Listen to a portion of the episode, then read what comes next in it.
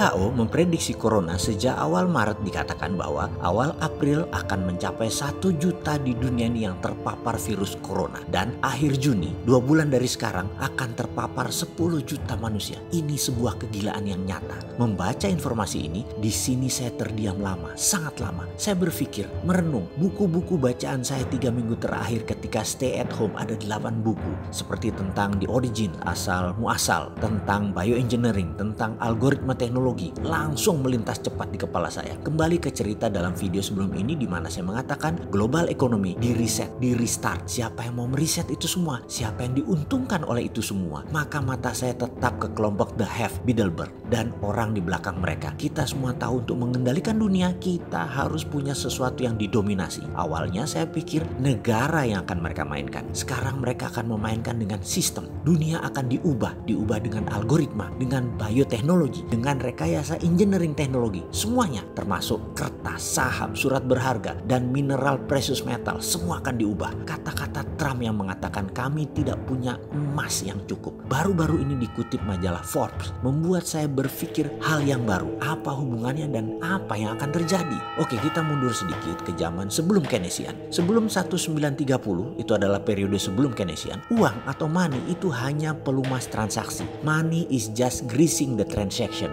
Uang sebelum itu nggak dipuja seperti sekarang, nggak ditakuti seperti sekarang, nggak dijaga seperti sekarang. Uang ya hanya pelumas, pelancar mempermudah sebuah transaksi saja. Uang di zaman Keynesian jadi bukan saja pelumas transaksi, tapi menjadi komoditas, menjadi papers, menjadi jaminan, menjadi surat hutang. Akhirnya menjadi benda yang harus dikontrol keberadaannya dengan bank sentral. Ada nilai turun naiknya inflasi, dipuja, ditakuti, dikasih syarat, persis sesajen, dan lain sebagainya. Uang mendadak menjadi ada rumus fisikanya. Uang mendadak jadi ada rumus matematikanya. Bukan lagi pendukung sektor real uang itu. Bukan lagi pendukung sektor produksi. Bukan juga kebutuhan pasar. Namun bisa nggak ada urusan dengan sektor real. Uang bisa diterbitkan dari angin kek, dari perang kek, dari penyakit kek. Pokoknya uang adalah solusinya. Sebagai penganut new economic model yang gencar dipromosikan di dunia sejak 2009, maka kaum yang percaya MMT itu menyebut dirinya kaum ekonom post Keynesian atau setelah Keynesian. Di sini, ekonom post Keynesian akan memurnikan kembali uang sebagai greasing the transaction lagi, plus underlying project. Ini penting untuk difahami. Namun, ada kelompok yang tidak ingin MMT mengambil dunia. Siapa mereka? Apakah kaum Keynesian seperti para pejabat di banyak negara, di IMF, di World Bank, termasuk di Indonesia, yang tidak ingin dikalahkan MMT? Bukan. Mereka yaitu kelompok digital planner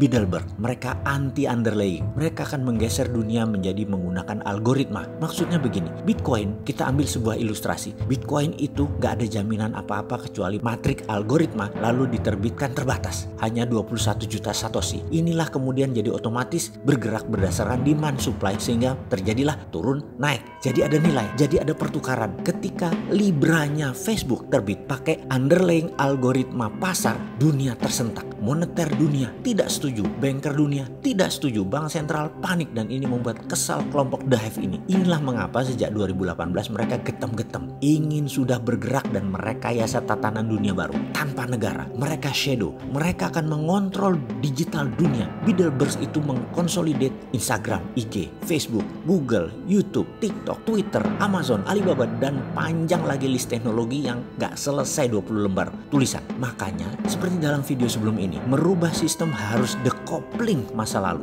keterputusan dengan masa lalu. Seperti dunia sebelum perang dunia pertama dengan sistem kolonialismenya. Setelah dunia berubah total, lalu antara setelah perang dunia pertama sampai perang dunia kedua, dunia beda dengan setelah perang dunia kedua. Seperti yang kita alami saat ini. Setelah perang dunia pertama, itu putus bukan reformasi, bukan transformasi, beda, putus. Dan ketika virus corona disebar di tahun 2019 akhir, kemarin yang diperkirakan akan mematikan 30 juta umat manusia seperti prediksi Bill Gates di tahun 2018 akan memapar separuh penduduk dunia. Apakah ini tidak akan terjadi demi decoupling keterlepasan dengan masa lalu? Untuk meriset dunia perlu perang dan kali ini perang biologi. Manusia melawan virus. Dunia at war time sekarang. Masih nggak paham juga. Masih masih perlu IMF, masih cari utangan, masih mikirin ekonomi. Ini survival mode. Kalau Anda pejabat sekarang, pikirkan survival of the nation. Virus merubah dunia. Bioengineering teknologi merubah dunia. Dunia ke depan mata uangnya tidak perlu emas lagi, tidak perlu precious metal lagi. Dunia ke depan dikendalikan pemegang teknologi berbasis algoritma konsolidasi dan bioengineering. Inilah tatanan dunia baru. Negara menjadi less important. Negara menjadi tidak terlalu penting, tetapi manusia